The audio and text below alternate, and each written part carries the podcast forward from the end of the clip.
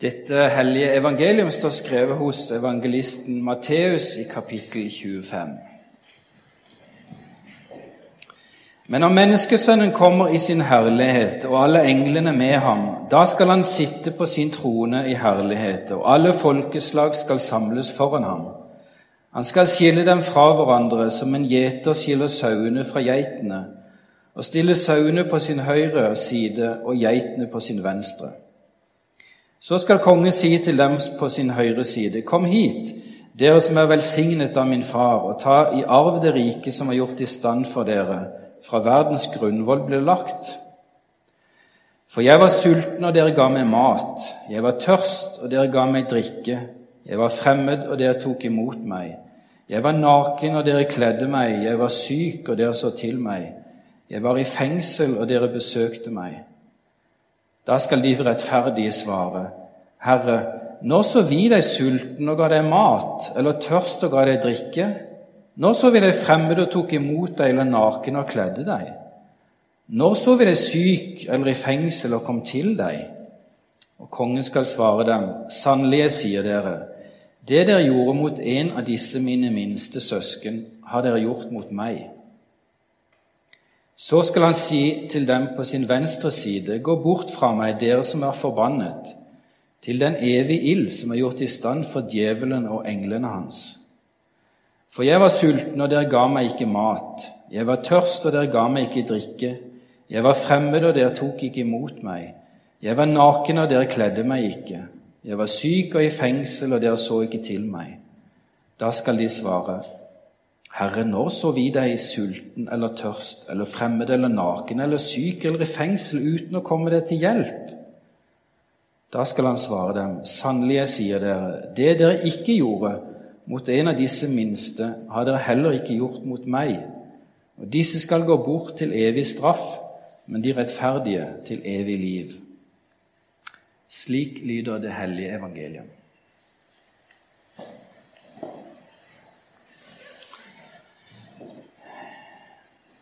Dette er hard kost. Ingen enkle svar, ingen enkle løsninger. Jesus refser så det skikkelig svir, og eh, fremtrer som den strenge. Og Det er noe av preget på denne siste søndag i kirkeåret, som også kalles domssøndag. Det det ganske røffe og firkanta bildet og så neste søndag blir det litt mykere når vi da begynner på advent, og vi har forventning frem til jul. Selv om vi ikke er helt bekvemme, og kanskje ikke helt mottagelige for dette som eh, bibelteksten sier oss, så er det likevel viktig. Det er en sterk og viktig tekst og et budskap som vi eh, må jobbe litt med. Det utfordrer oss. Dommen som det står om, den omtales mange steder i Bibelen. Og den eh, er tydelig at Jesus vil at både disiplene og alle skal vite om. Og det er nok mange som lar seg utfordre av det Jesus sier. En del vil også la seg provosere, og en del vil kunne bli redde og engstelige når vi leser dette. Det er iallfall noen ting som vi må slå fast. Og det er det ikke alle mennesker som får med seg. At det er ikke oss, det er ikke oss mennesker som skal stå for dommen. Det er ikke vi som skal gjøre det. Det er ikke vi som skal dømme andre mennesker. Og vi skal slett ikke heller dømme oss sjøl. Og det andre er jo at eh, den som da står for dommen, den som har ansvaret for dommen, den som skal gjennomføre det, det er Gud sjøl. Så der skal vi kunne slippe litt av. Der skal vi kunne vise til en annen. Det ansvaret skal ikke vi ha. Det skal vi ikke ta oss heller. Og når det skal skje, og på hvilken måte det skal skje, det skal vi også overlate til Gud. bare for å ha det avklart. Det vanskeligste med dommen er kanskje at det oppleves som et krav fra Gud, tenker jeg. Noe Gud krever av oss. Ganske så firkanta. Gjerningene er ikke bare en mulighet, men det kreves av Gud. Av den enkelte kristne. Og kanskje det vanskeligste, tenker jeg, at det ligger nesten som en trussel bak kravet. Altså, hvis ikke du gjør dette, så altså.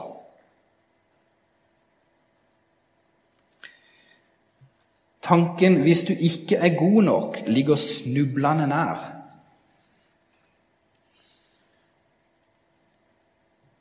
Og jeg tror at tanken er ikke at dette skal skape avstand mellom oss og Gud, eller bygge opp en sterk angst for det Gud en gang kan gjøre.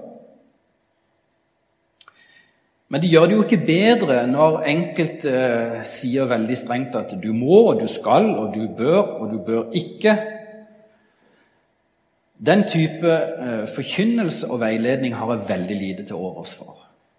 For hvis noen sier du bør, og du må, og du skal, da går jeg litt i lås. Det kjenner jeg.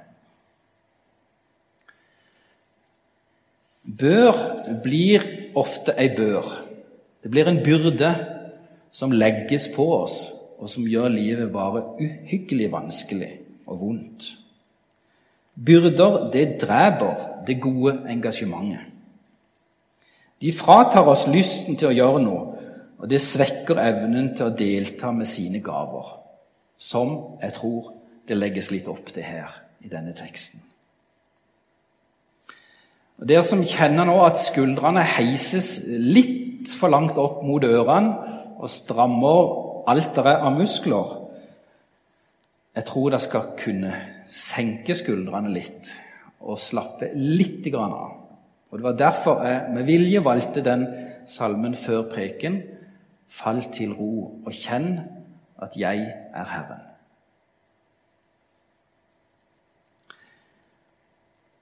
For den tolkninga om krav til prestasjoner for å få del i evig liv, eller å få for en kristen, eller kalle seg kristen, er heldigvis veldig fjern fra det Bibelen ellers lærer oss, og det Jesus sjøl lærer oss. Og ei ganske tydelig nyansering er viktig, tenker jeg, å gjøre her. I stedet for å snakke om krav fra Gud vil jeg heller bruke ordet forventning. Og det er ganske stor avstand mellom de to ordene og effekten av de. Jeg tror realiteten ikke blir den samme når en da bytter det. Nå må vi være litt mer konkret, for dette kan fort bli litt sånn eh, svevende og famlende. Ei lita historie. Eh, på vårt kontor hos byprestene fikk vi besøk siste uke av Kirkevergen, som er vår sjef og personalsjef. De kom med blomster, og de kom med kake, og de kom med gavekort. Og Det er svært sjelden de gjør, bare for å si det. Anledninga var rett og slett og det er ikke for å fremheve meg sjøl, sånn sett, men jeg har jobba altså i 25 år i Sandnes kirkelige fellesråd, og da er, det, da er det sånn de gjør det. Og det er jo veldig koselig og fint og godt og alt. Ehm, det er klart, Men så fin gave, eller fine gaver, er det jo selvfølgelig en klar forventning om at en først pakker opp gavene, ikke sant? Det er en forventning om at disse blomstene de tas med hjem, og de settes i vann, og de gjødsles for at de kan stå lenge og være til glede. På samme vis er det jo med gavekortet. Det er jo en forventning om at det skal brukes. Det skal ikke bare ligge der. Jeg kunne jo bare lagt det fra meg. Men hva hadde da skjedd? Ja, Etter en viss tid så hadde det gått ut på dato, og de kunne ikke brukes lenger. Jeg vil tro at eh, kirkevergen ville blitt eh, ganske så skuffa over denne bypresten som ikke tok i bruk sine gaver. Det hadde vært helt uhørt.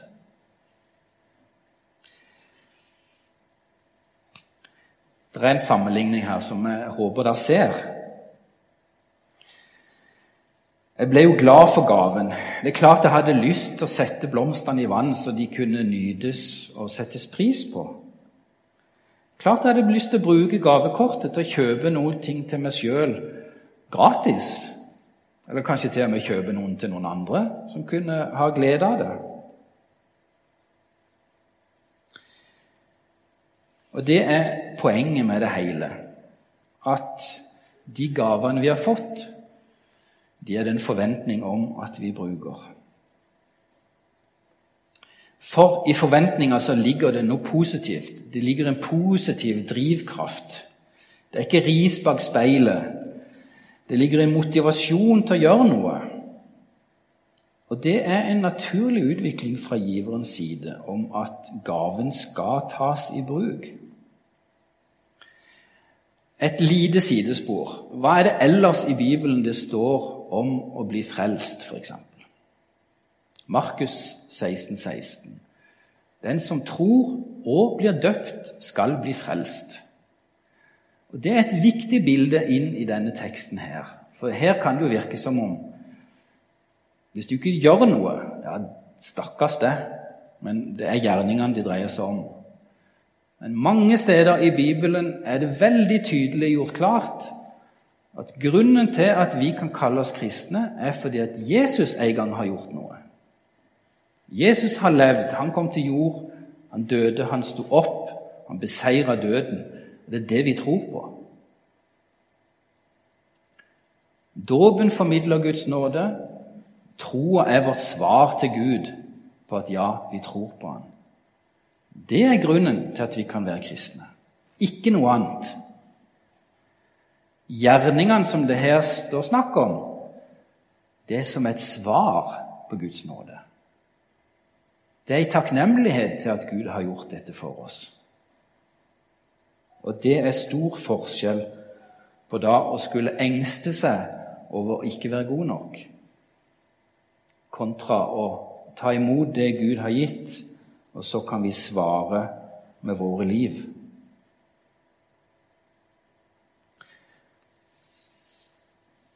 Gjerningene har derfor en helt annen funksjon enn å oppnå fortjeneste.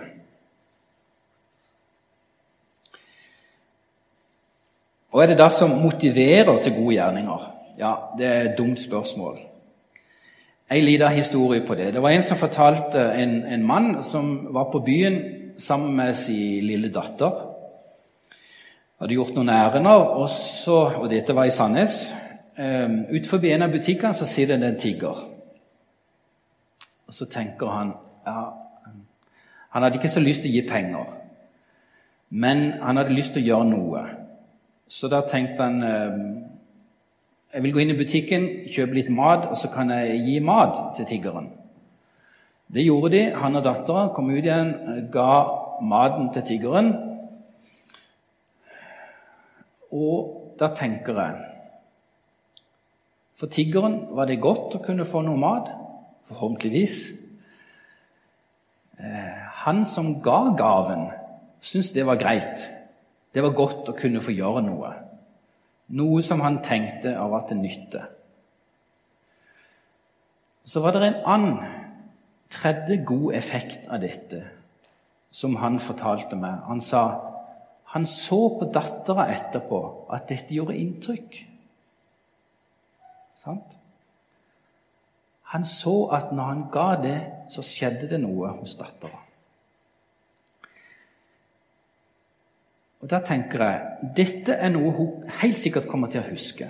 Jeg husker pappa og jeg var på byen, og han ga det til tiggeren. Det er noe som setter noen gode spor. De gjerningene som gjøres, kan få bety ganske mye for nye mennesker i fremtida. Å dele noe med andre er et vitnesbyrd om vår tro. Av og til hører jeg det som byprest. Eh, 'Å, dere gjør en sånn fantastisk jobb.' Og Da tenker jeg eh, 'Og vet du om det?' Ja, vi gjør en jobb, og vi tror han er verdifull. Men så tenker jeg Vi tenker jo rett som det at ah, vi nådde jo ikke han, eller vi nådde ikke hun, eller vi fikk ikke helt til det som vi hadde lyst til å gjøre. Det er mye annet vi kunne ha gjort også, som vi ikke får gjort. Men jeg tenker det ligger noe viktig likevel i det som de menneskene sier. Og det er at eh, de ser at vi er til stede der. De ser at vi gjør en jobb der, vi prøver å gjøre en jobb, og de ser at Kirka er til stede, ikke minst. Og det vil jo si menighetene, bl.a. Riska. Menighetene er til stede, de kristne er til stede og prøver å hjelpe mennesker som sliter med rus. Det er et så viktig vitnesbyrd, tenker jeg.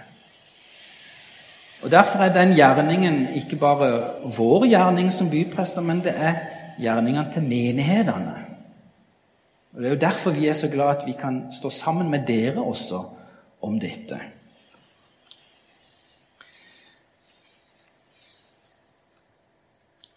Det vitner om at Kirka ønsker å ta grep og ikke bare med ord. En eh, svensk forsker sa det sånn om kirkas framtid at kirken og menigheten handler diakonalt. er En forutsetning for at kirka og menighetene skal være troverdige. Det er godt sagt. Og det ligger et, eh, en sannhet i det, tenker jeg at hvis vi vil være troverdige, hvis folk skal tro på det vi sier og gjør, så dreier det seg også om våre handlinger. At da må kirkene og menighetene være på banen. Noen sa jeg må, det skal jeg ikke. Men eh, det er en, eh, en glede vi har egentlig til å kunne få lov til å gjøre det. Vi har ressurser til det, vi har personell til det, vi har mulighet for å nå ut til andre mennesker med også det vi gjør. Og vårt arbeid som byprest og, og diakon Hva er det vi vil når vi jobber i rusmiljøet? Vi vil vise at de som sliter med rus, ikke er glemt. Vi har tre sånne små setninger som vi styrer etter. Vi sier at vi har tid til å lytte, vi har vilje til å hjelpe, og vi har tro på endring. Og i det ligger det mye viktig i holdningene våre til de som vi treffer. Vi vil prøve å minske utenforskapet. De kaller det ofte stigma sjøl i miljøet. De som sliter med rus, de føler seg stigmatisert ofte. Nei, de kan ikke det, de får ikke lov til det. og de er utestengt derfra, og de, eh, folk tror de er spedalske omtrent. Det er de jo ikke. Vår jobb er også med å være til stede, om det så er på benken på Ruten, eller hjemme hos de, eller i fengsel eller på institusjon. Ja, vi er sammen med de. Vi bryr oss om de. Vi kan ikke løse livet for de, men vi kan være en samtalepartner, og vi kan være til stede og vise at vi bryr oss. Og På den måten prøver vi også å blankpusse menneskeverdet. For det er det nå en del som kjenner på at det er ganske rustent. Fordi at de ikke får bekrefta det så veldig fra mange rundt seg. Og til sist vil vi også prøve å koble de på kirka. Vi vil si at selvfølgelig er dere også velkommen i kirka. Selvfølgelig har vi en egen gudstjeneste for dere hver onsdag klokka to i Sandnes kirke. Hverdagsmesse. Det er ikke så mange, men de som er der, gir ganske tydelige tilbakemeldinger på at det er verdifullt. Det er godt for de å komme inn i Guds hus. Her kan de roe seg ned. Her er de velkomne. Her får de ta imot.